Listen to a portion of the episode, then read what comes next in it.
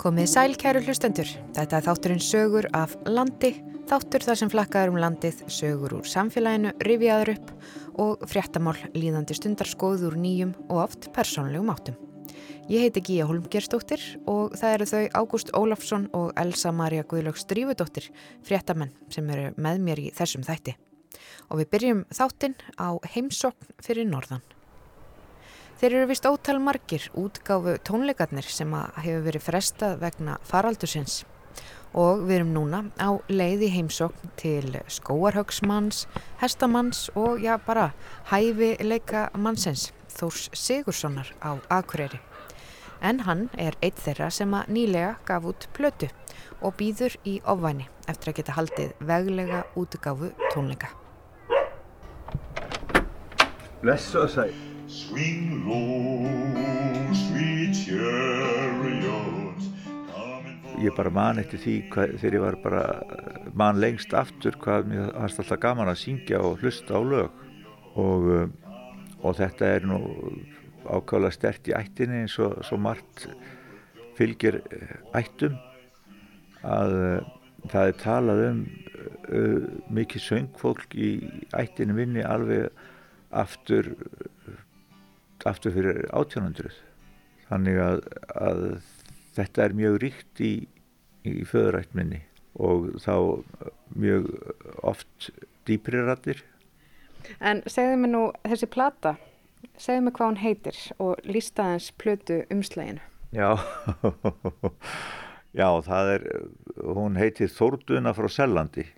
Að ég er svona djúpur bassi og og uh, Þórduna er, er þrumann sem fylgir eldingunum sem að í ásatrúni var, var, var, þetta neistar sem hrutu frá hérna, hjólunum á vagnir Þórs sem hamrarnir dróðu þannig að Þórduna er skild mér náttúrulega að nafnið og Pétur Pétursson Læknir hann sá alveg um það sem stendur á þessu umslægi og hann kallaði þetta Þórdunu frá Sellandi.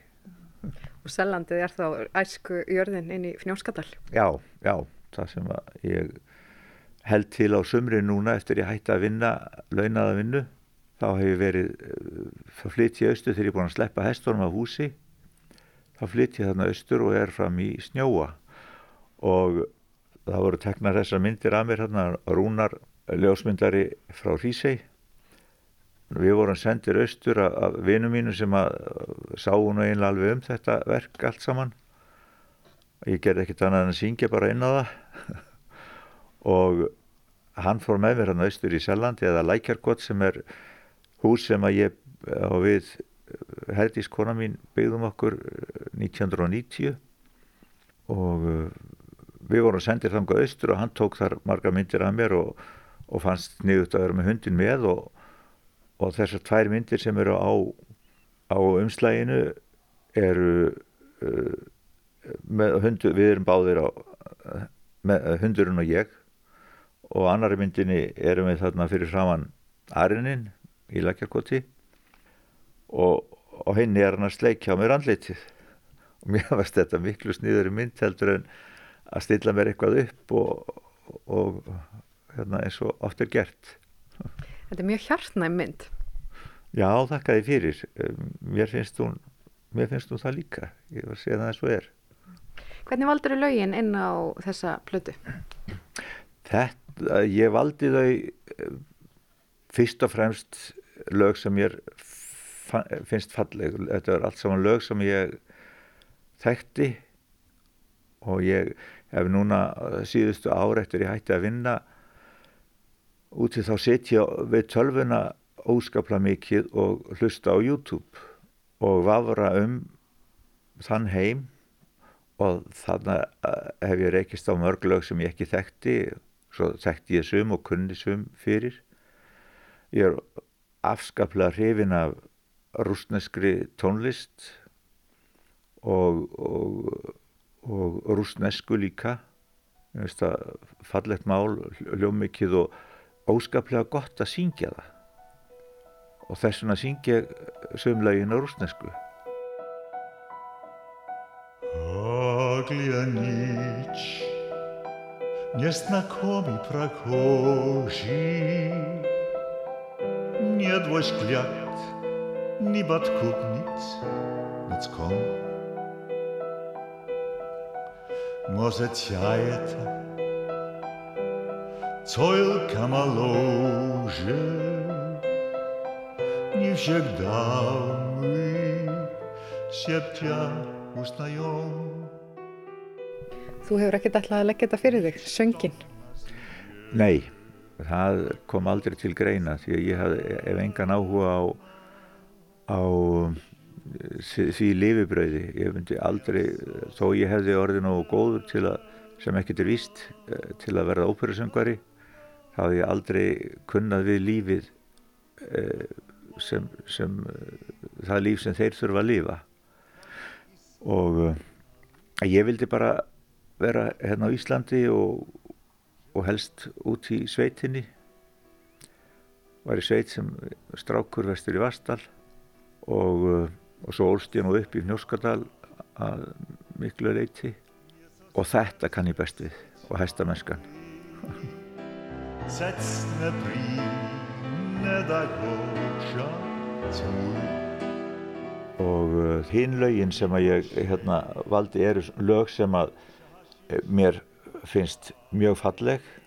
Og uh, valdi þau mikið þannig að þau reyna mikið á röddina bæði hvað dýftsnettir og, og hæð og kraft líka þannig að þetta var það sem ég gekk út frá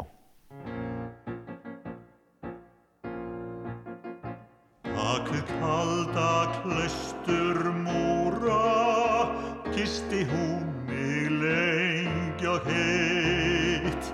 Þangað burt úr borgar glaumnum, blökkustúlkan Blökkustúlkan heitir hann því Rótumanda Lægi á frummálinu. Það er afskaplega fallegt lag og fadir minn söng það einsöng með geysi fyrir mína tíð. Og uh, þá, þá uh, var hann, hann var klappaður hvað þrísvaraði fjóru sinum upp í þessu lagi. Og það sagði Haraldur Sigursson eh, bankamaður mér að, að það veri met enginn verið klappaður jafn oft upp og hann í þessu, þessu lagi Stúlkan faran mér enn. En hvernig, hérna, þú ert ekki uh, mentaði söngvarið, þetta er bara svona áhuga málið þitt og uh, æfður þið eitthvað sérstaklega áður en þú fóst í þessar upptökur, fóstu til rattþjálfa og söngkennara eða, eða, eða hvernig undirbjóstu þig? Ég undirbjóðum bara með því að æfa mig og, og læra lögin og, og læra textana. Nema ég fór í einn tíma til hennar Sigriðar Aðalstinsdóttur óperusöngkonu sem er mezzosopran alveg algjörlega frábær söngkona og hestakona líka og það er flest sem prýðir hana. Og uh, það var, er þarna í einu rústneska læginu þar er farið upp á uh, tvístrykað F sem er uh, miklu hærra en bassasingja upp á og, og það er mér segja svona alveg árensla fyrir fyrsta bassa sem er sem fyrsti bassi er líkur ofar í rattsviðinu heldur en annar bassi og ég komst upp á þennan tón stundum en stundum ekki. Svo ég talaði við hann að hitta hann upp í hesthúsi einhvern tíman og spurði hann hvort það væri ekki tilbúin að, að hérna, taka mig aðeins til bæna og jújú, jú, hún var til í það og ég fó- fór til hennar í tíma og hún hérna náði mér upp á þennan tón eða sem sagt fekk mér til að trúa því að ég gæti alveg farið upp á tónin og eftir það hef ég komist upp á hann alveg leikandi. Þetta er allt spurningum að trúa. Þetta er allt spurningum að trúa. Hvernig er svo tilfinningin að uh, vera búin að gefa út svona mikinn disk? Já, það er eh, gaman að vera búin að gera þetta. Ég, mér fannst þetta nú alltaf vera fráleitt að, að ég fær að syngja inn á disk uh, ólærður maður og, en, en það voru vini mínir sem að komu þessu nú á það er margir sem að tala um þetta við mig en það er alltaf fráleitt en svo var það kannski eitt sem að sem að hafði áhrif að ég fór sem bílstjóri fyrir tvo vini mína fóru með fjóra hesta á kjerru vestur í Skagafjörð, vestur á Söðakrók og þeir riðu svo með eh, hestaferðahópi yfir í Hjaltadal. Þá var löfskálarétt sem er ákala vinsæl rétt. Og það voru þarna hátt í hundra manns í þessum hópi og við áðum í, í, hérna, við öst, austan við hérasvötnin Eistri það var stoppa góða stund og menn voru að kroppa eitthvað í nesti og, og fá sér sjús og margir náttúrulega komir í góðan gýr og þá kom vinkona minn til mín og baði mig að syngja læð blakk og ég að það þýðir ekki neitt það er margbúið að reyna að þakka niður í öllu þessu fólki og, og það er ekki sjans, það er margir sem að vilja tala eitthvað og, og reynda að þakka niður í og, og svo átt að reyna að koma á söng svona almennum og það gekk ekki neitt því að það var allir að spjalla og mikill malandi þarna. Þannig að það þýðir ekkert fyrir mig að reyna að koma að stað. Hún uh, gafst ekki upp og fór að reyna að hasta á liðið en það þýtti ekki neitt. Svo hún kom til mín og saði þú byrjaði bara að syngja. Og ég sagði það þýðir ekki neitt, það heyrir engin í mér eins og ég, ég gerði það bara fyrir mig sá. Já, já, ég byrjaði að syngja og ég, það voru konur einhverju þrý, fjóru tónar þegar allt var dottið í dúnalogg þarna og allir fór að hlusta og sá þá standa og þá fór ég að hugsa nú, kannski er þetta ekkert svo vittlist kannski er ég ekki svo slæmur að hérna, ég á eitthvað erindi og þess vegna samþýtti, samþýtti ég að, að uh, fara í uh, þessa diskútgáfu.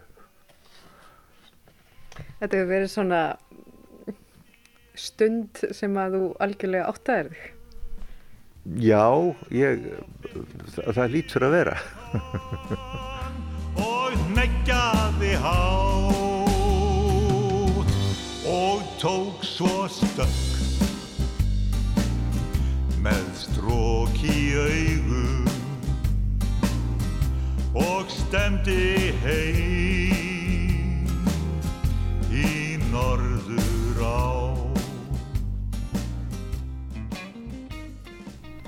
En svo hefur verið að klíma við veikindi.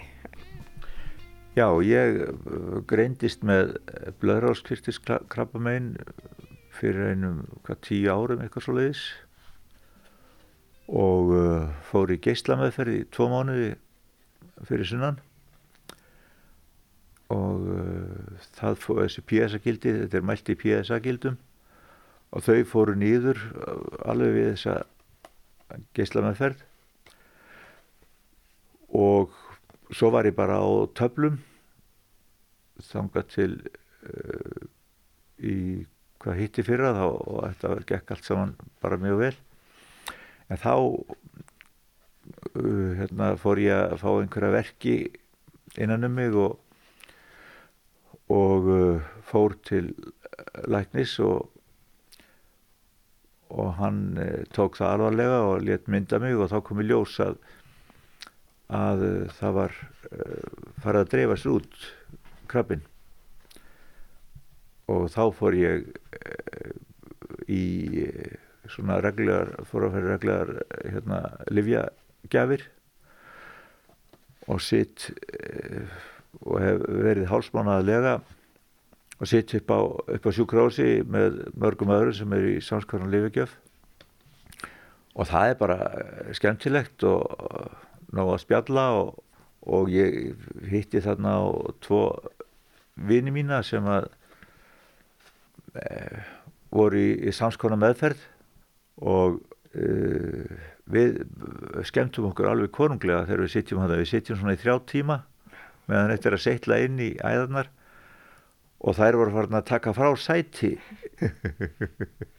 Þannig að við getum setið saman og spjallað.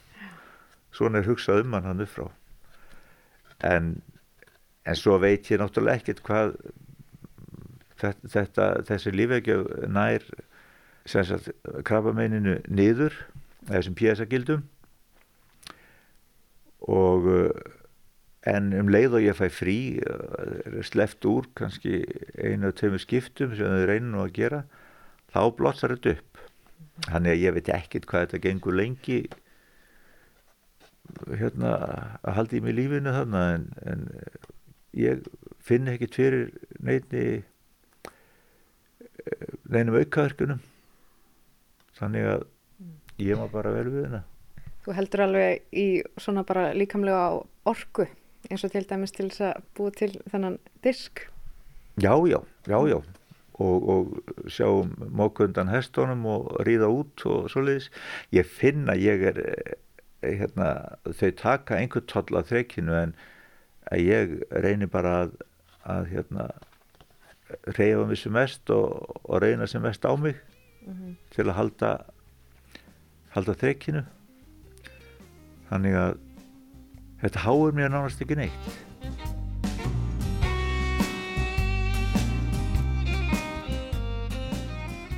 En hafði veikindin einhver áhrif á þá ákvörðina að, að, að láta slag standa og gefa út þannan disk? Það gæti alveg verið að, að það var, voru margir búin að tala um það við mig að það verður nú synd að þessi rödd væri ekki til uh, sem þegar ég væri rokkin upp af og uh, allavega ég er ekki vissum að það hefur beint haft, áhrif á það að ég fór út í þetta en, en hins vegar þá hugsa ég núna svolítið já, þetta er þá til fyrir afkomenduna ef þeir hafa einhvern áhuga. Ég myndi mér, mér finnst mjög mikil synd að, að söngur pappa skul ekki vera neinstað til því að menn sem myndu hann vel og hans söng hafa sagt mér að hann hafi verið með einstaklega fallega söngrödd og góðu söngvari. En ég heyrði hann aldrei syngja. Hann söng aldrei heima eða, jú, eitt skipti. Þá fór hann fórum við inn í borstofu þar sem píanóði var. Og sýsti minn spilaði lag sem heitir Ora Pro Nobis. Þá var ég bara kannski 10-12 ára og hann söng það lag, það er eina sem ég hef vilt að syngja. Hann stóð við píanóið og mamma við hliðin á honum og, og sýstir mín Ingi Björg uh, settist við píanóið og, og spilaði þetta lag. Og hann söng þetta afskaplega fallega að mér finnst og mér fannst þetta að vera eh, mjög merkileg stund ég gerði mér ekki grein fyrir af hverju en mér fannst þetta svona merkileg stund og minningin er fyrst og fremst eh, um þetta mm -hmm. og hvað við vorum öll glöð eiginlega Var hann gladur að syngja? Já, ég held að hann hafi verið það mm. og ég held að mamma hafi degstraðan til þess að fara til að syngja lægið og hann, hann var komin í eitthvað komst í eitthvað stuð Það held ekki áfram að syngja þá? Nei, mm. hann söng bara þetta eina lag You're my world, you're every breath I take You're my world, you're every move I make Hvað svo, sko nú er COVID, þú gerði þetta alltaf COVID tíma Já. og þú ætlar að halda útgáðu tónleika. Það er nú svona kannski svona kirsubyrið á tónum. Já. En þú hefur þurft að fresta því svolítið. Já. Hvernig er svo tilfinning að hafa alltaf þurft að fresta þessum tónleikum?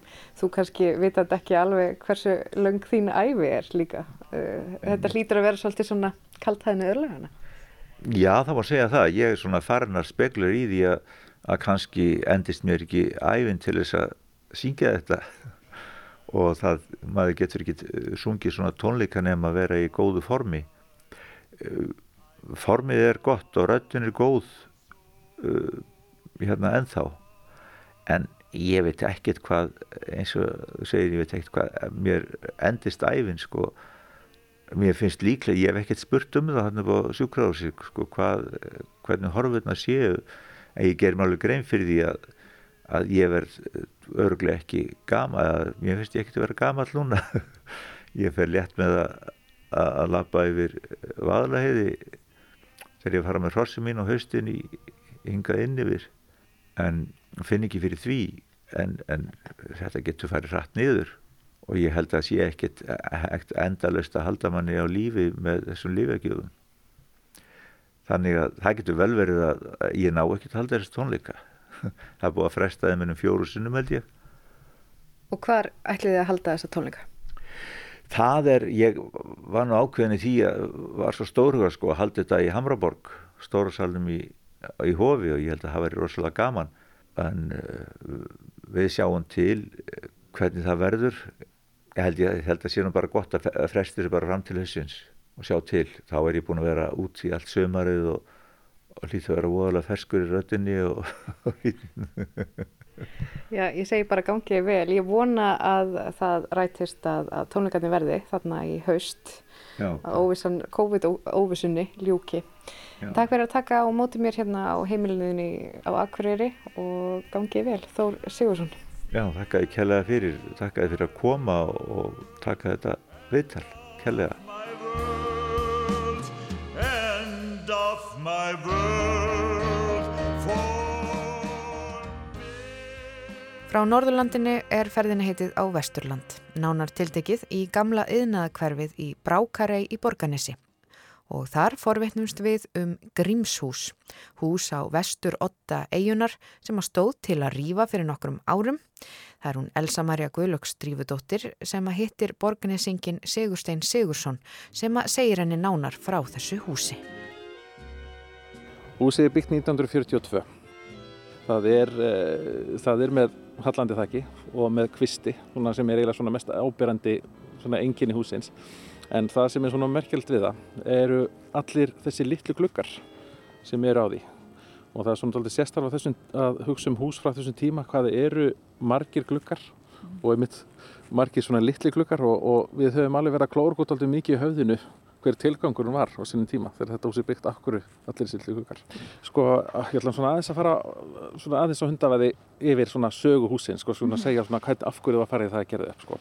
Að það var mjög margt sem að fór fram í því. Þetta hefur verið sláturhús og þetta hefur þetta verið vörukemsla og það hef, voru skrifstofur í húsinu og hérna, og svo var hérna líka bæskrifstofur. Það voru hérna einhver tíum punkti, örgur sagt. En uh, svo hérna gerist það að, hérna, að, að eins og gengur gerist þá rann útgerðin eitthvað annað en nótt að fara og þá hérna er það farið að svona einmitt þessi mörgur hlutverk og það brann tvísarsinnum á þessu tímbili svona frá því að það er byggt hérna því að það var verið að svíða eh, þetta var svíðingahús fyrir sko svíðahausa mm.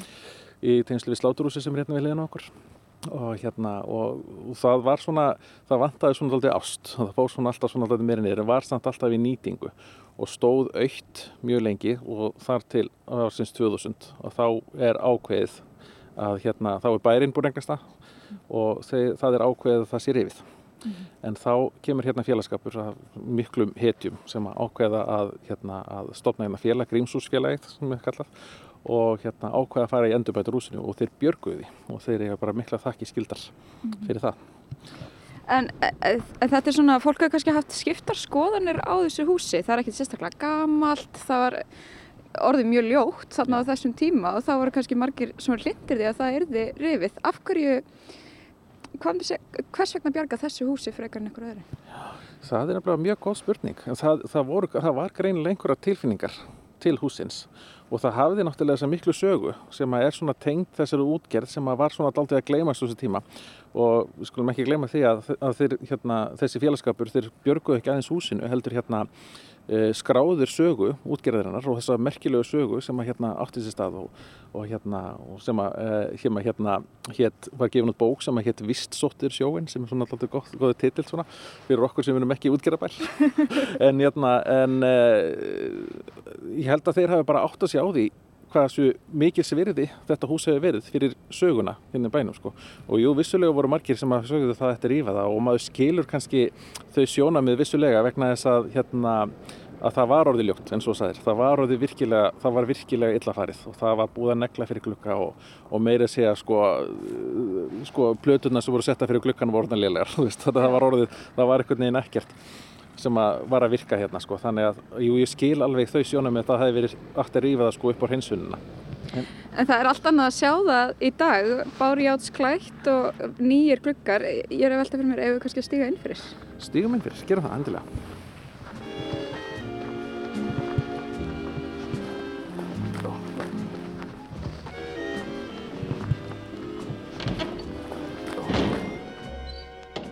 Herðu, nú erum við komin inn fyrir og hér er hátt til lofts og margir glukkar, mm -hmm. svo sannarlega. En samt ekki jafn margir og þeir voru?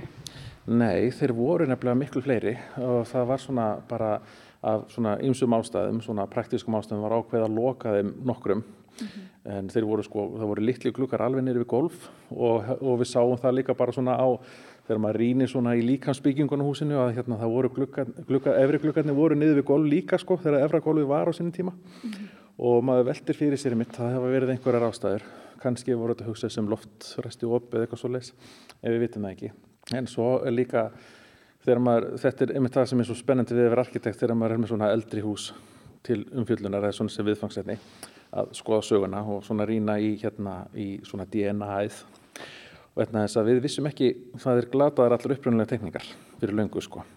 Og við vitum ekki hver teknaði húsið uppalega en, en, en bara með því að bera það sama við önnur hús og svona sjá svona stílin að við erum í kenningu að Haldur Há Jónsson hafi hannað þetta hús. Og það er svo sami og teknaði hérna Borgarniskirkju mm. og, og hann er líka teknaði Hátiskirkju í Reykjavík og, og bændahöllina og svona fleiri svona hús sem við þekkjum vel. Hann var nefnilega borgarnisingur og hann á mörg hús hérna í bænum er svona karakterenginni mm. á milli þessara bygginga Og Þú ert með í þessu ferli að endur vinna þetta hús og, og koma því aftur í stand og síðan hvernig var þetta ferli við að ákveða hvað er þið af því? Hva, hvert er næst, þess næsta hlutverk? Já og sko, það er nefnilega það er góð spurning sko því að sko saga þessar hús heldur áfram að vera skrautleg og skemmtileg sko. Uh, Grímshúsfélagið þeir hérna höfðu það alltaf að leiðljósi að þetta er því lifandi hús.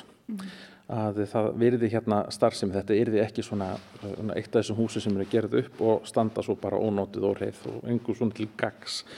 Eh, þau, þessi félagskapur sátt fyrir sér hérna einhvers svona kaffihúsi eða veitingasala en Jattrand sáði líka fyrir sér að, að, að það, þeir myndi svona gefa það frá sér og einhver annar myndi taka við því og sjá um reksturinn. Mm.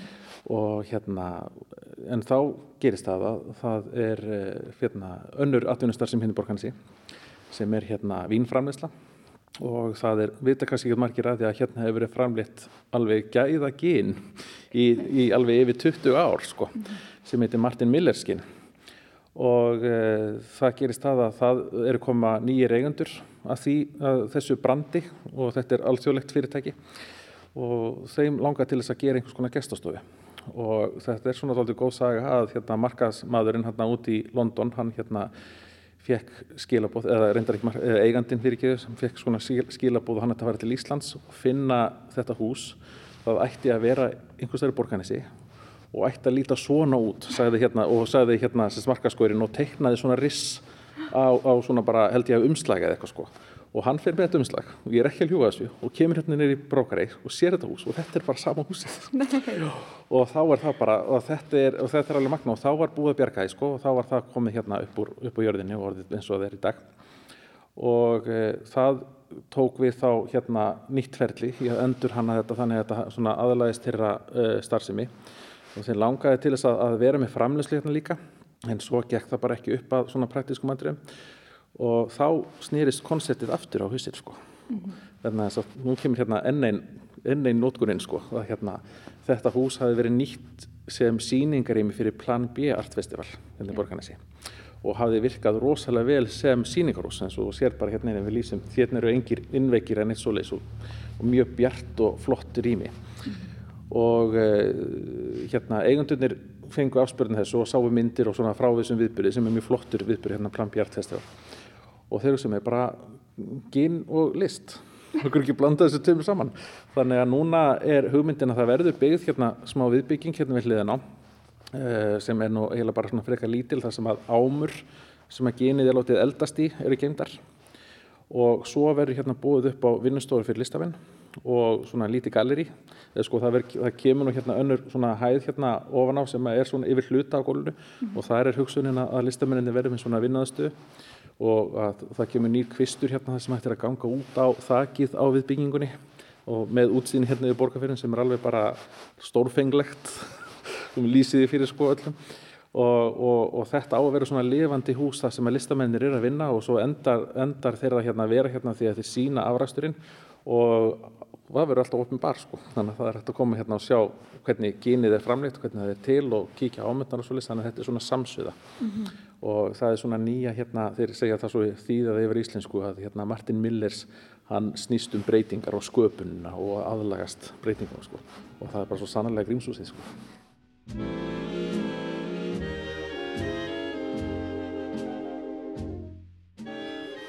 Þannig að þetta verður svona, það, það verður svona stöðugt flæði hérna í gegn af listamannum og, og fólki sem getur þá komið og, og södrað gyn og notið listar. Já, algjörlega og svo bara, þú veist, eins og þegar við erum að lappa hérna inn í húsið, að sjá hérna uh, aðal yngangurum verður hérna sem hefur borgarfinnir fyrir framann sko. Mm -hmm. og, og svo er húsið hanna þannig, eða sko aðstæðan að það er hægt að breyta. Það, það er ekkit að aðal yngangurinn hafi verið kannski þarna á morgun það verður kannski farin bara, þú veist, neyðarútgangurinn verður kannski aðlingungur og svo bara hérna, svo, og svo hérna ég glemdi nú að lýsa því á þann að hérna er stór svona vöruhurð sem hægt er að opna alveg upp á gátt og þá horfum maður vestur og þá sé snæfisjökullin sko, þannig að þá er þetta bara hugmyndin er þetta er svona hús sem er aldrei eins. Það er bara svona, og það er eiginlega bara eins og ég sagði á þann, þetta er bara svona aldrei karakter grímsúsins það verður að viðkennast að þetta er svolítið sérstök hugmynd að vera með þessa gínframleyslu og svo listamannarími komandi engum spánst fyrir sjónir, þessar hugmyndir? Sko fyrir, uh, fyrir listamennina hérna í Borgarnesi þá fannst þeim þetta að vera svona, svo við sletti, bara no-brainer sko, þeim ja. fannst þetta alveg og enda var það þannig að svo þegar COVID skellur á þá náttúrulega verða öll þessi plön sett á ís og og hérna aðalskrifstofunar hjá þessum eigundunum eru í London og Madrid þar sem að veiran hefur verið mjög skæð og hann hefur haft mjög slæm áhrif á bara starfseminna hjá fyrirtækinu. En þeir eru samt mjög fullir eldnú alltaf að klára þetta. En eh, út af COVID þá hérna kom hérna einn af skipilengjum Plan Bjartvestavall, hún Sigþór Óðinsdóttir mm -hmm. og eh, setti hérna upp uh, síningu eða svona vinnustúdíu hérna hún er að taka hérna mútið gestum Þannig að það er hægt að koma fá og koma hérna og sjá svona hvað Sigþór er að gera og vera samt, með samtali við listamannin. Þannig að við erum byrjuð svona alltaf á þessum prósessi sko. Mm. Og, hérna, og það eru hérna eins og sérð bara hérna, það er verið að lýsa því sko en það eru hérna mörgu verk hérna í vinslu hérna út um allt hús og, og það gefur í svona alltaf lit sko. Yeah. Og hérna en svo er það líka þegar við höfum verið með hérna Plan B Art Festivali þegar það hefur verið opið hérna að þá hafa komið hérna inn sko borninsingar sem finnst svo gaman að hafa tækifæri til að koma inn í grímsúsi sko. Mm. Að ég held að þó svo hafi verið margir sem að vildu séð bara fara þá þykir öllum náttúrulega væntum þetta hús sko. Mm -hmm. En þetta er svolítið sko, e, það má segja fyrir þann sem að þekkir ekki til þá þarf hann að grafa eða fara svolítið langt til þess að komast ynga vegna þess að þú þarfst að keira í gegnum veist, eða ganga eða fara í gegnum allt borgarnes og hérna út í brákaræði sem er svona -hmm. yðnarsæði og svo allt í hennu byrtist þetta þetta er svona svolítið sérstök umgjörð kannski eða hvað? Jú, það er það. Að, náttúrulega það er alveg rétt hér. Þetta er náttúrulega brákarei sem heild að hún er aldrei svona óslýpaður demantur eins og er og það eru hérna yðinarhúsnæði sem, sem eru núna í svona sem eru mikil svona styrum núna akkurat sko út af hérna alls konar hvort að ég, og maður svona hugsaður þeir eru svona sömu, sömu spórum á Grímsúsi var fyrir 20 árum sko. Það er umræðan hvort að ég rýfaði ekki og þetta er svona og þetta var nú alveg tekið mjög mikið til umræðinar á hönnunaferlinu sko. Að hérna sko hvort þetta væri bara algjör bilun að fara í þetta.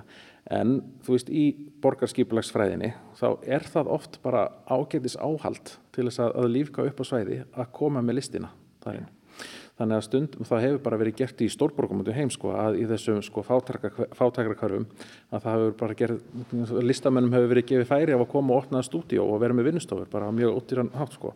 Við erum að tala um Meatpacking District í New York og, og East End í London, Whitechapel og það. Og en kaltænin er að svo verða þessi hverfis og vinsæl að listamennir hafi ekki lengur efna á búðar svona, svona kaltæni sko. en hérna en sko hérna en þá er uppbygging búin eigast í stað og, og og við svona sjáum fyrir okkur að e, þessi hérna að þessar hugmyndir sem eru að fara hérna framöndan sé einmitt svona þessi byrjun að eigin, hún, eins og við, ég held að allir getur verið samlega það, hún hefur gríðarlega miklu möguleika og hérna að e, þetta getur verið hérna, að þetta getur verið svona start að þeirri þróun sko. Er það svona þín sín? Já, það er svona mín sín og það er bara, bara meina sín, það er bara mín draumur sko, bara sem, bara sem arkitekt og sem íbú í borganessi, ekki síst sko, að sjá þetta verða hérna, eða svona blómleg svona uppbygging í brákari sko. Og hérna og e, maður tala kannski um svona menningarlega stóriðju hérna sko. Og að því að sko bornisengarnir e, við hugsum oft svona hlýlega til tímana þegar þegar sláturúsið og allur yðinaðurinn og starfsemi var hérna í fullum gangi þá var hérna allt eða hérna lífi sem er kannski ekki alveg raunveruleikin í dag. Og kannski séum þetta bara koma aftur þú veist í þessar uppbyggingu, menningarlegur uppbyggingu.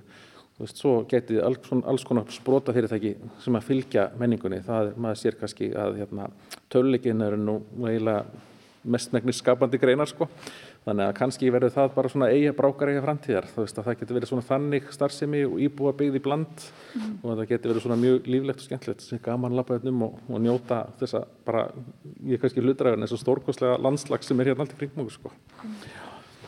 En það verður virkilega spennand að sjá hvort að draumurinn rætist en hann hefst allavega hér í Grímshúsi í Brákari. Takk að kærlega fyrir. Takk, takk.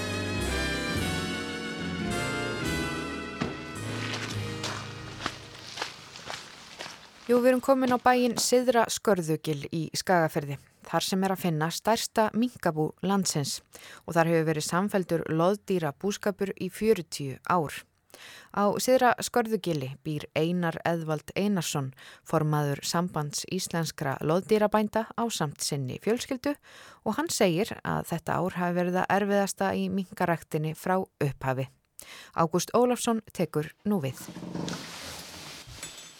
Þakka þið fyrir að, að taka mótið mér. Við sittum hérna við eldskórið og drekkum saman kaffi og, og horfum hér yfir, yfir minkahúsið meðal annars. Hvað er með stórt bú í dag? Heri, við erum með 3500 minkalæðir í dag mm. og erum að framlega þetta svona í kringum 15.000 minkaskinn á ári. Mm. Og þetta er með, með þeim stærsta á landinu? Þetta er stærsta minkabú landsins, já, mm. í dag. Mm. Og þú ert með þetta hér heima bæ en svo sagður mér um daginn að já, þú ert búin að eh, stopna annar bú Já, ég er kannski ekki beint búin að stopna annar bú en ég er búin að taka að mér að reka annar bú mm. og hérna það er hýrastallur sem er hérna aðeins framar í fyrðinum og uh, markmiðið með því var náttúrulega að reyna að fá bara meiri umsetning í gang á mingaræktinni í Skagafyrði og fleiri viðskiptavinni fyrir fóðustöðina mm. og, og hérna Eh, ég, ég hef tekið að mig núna að reyka þetta fyrir ákveði verð og er í samstarfi við danska bændur með það.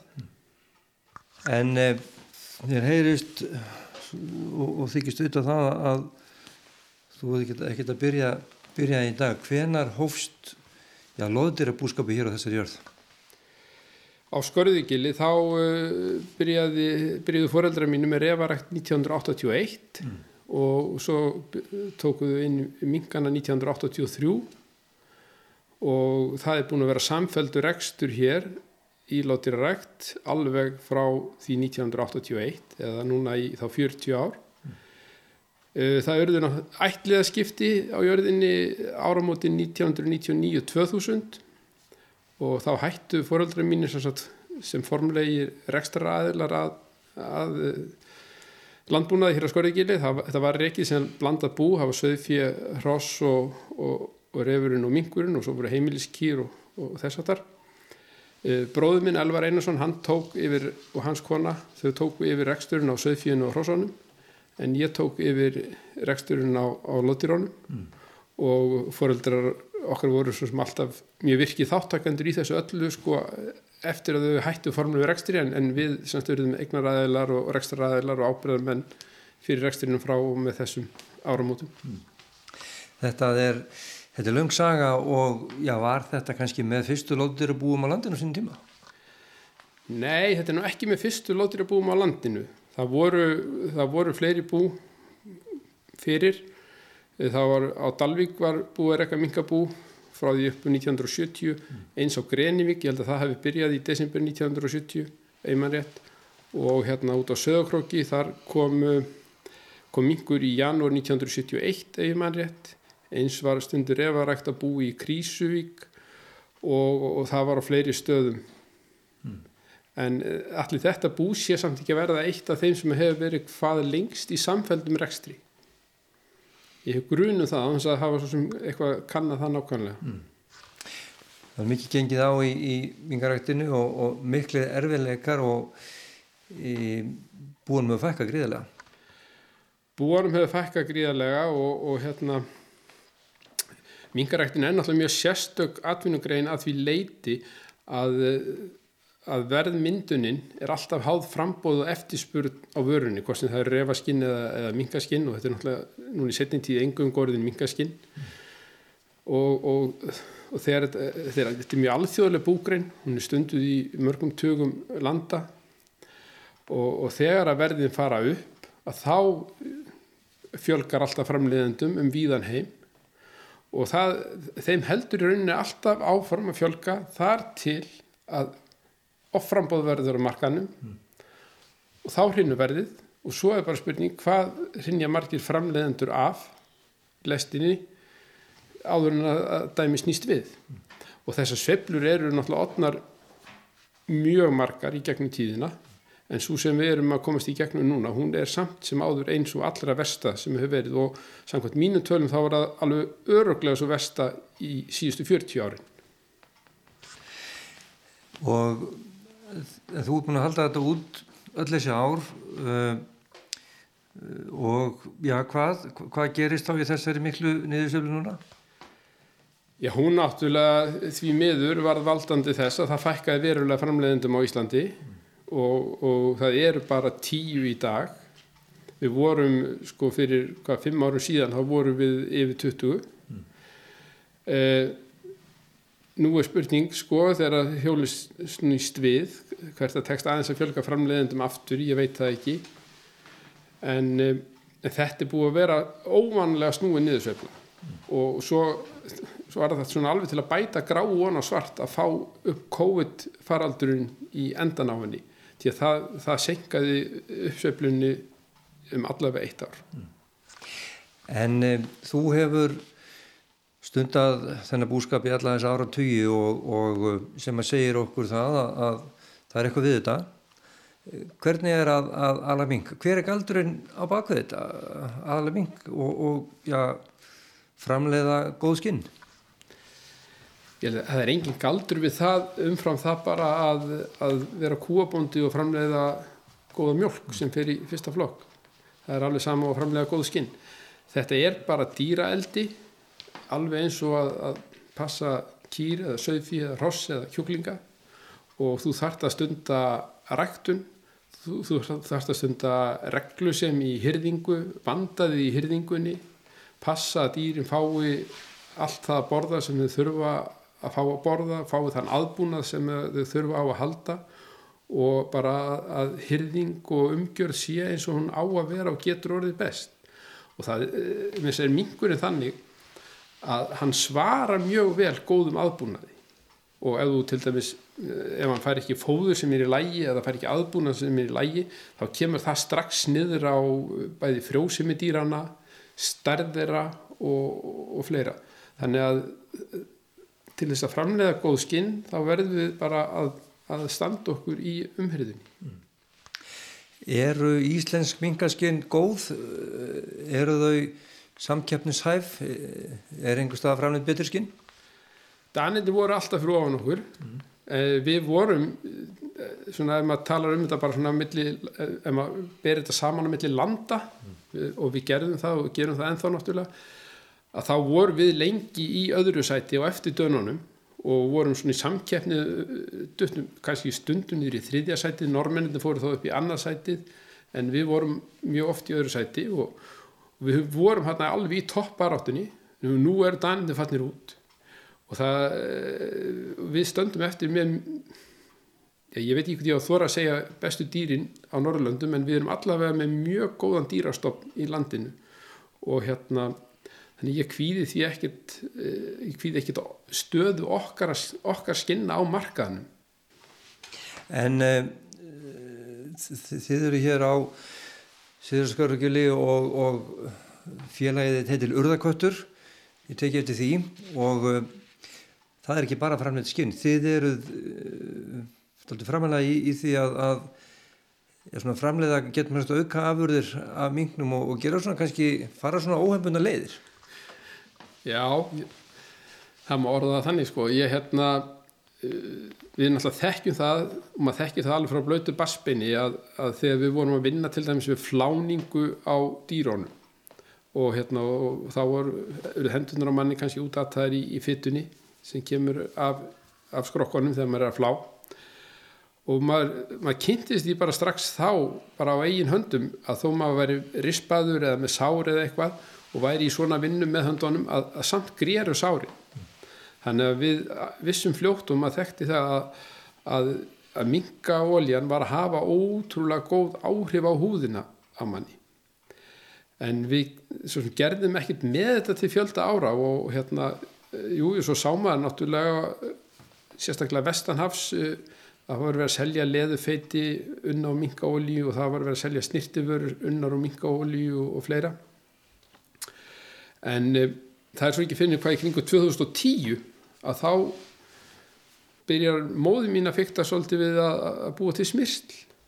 Og í framhald af því byrjaði hjólið að rúla Og framleiðið þið núna og seljiði smyrsl úr mingunum og, og hvernig smyrsl þá? Við erum komið með nokkrar vöru tegundir á markað.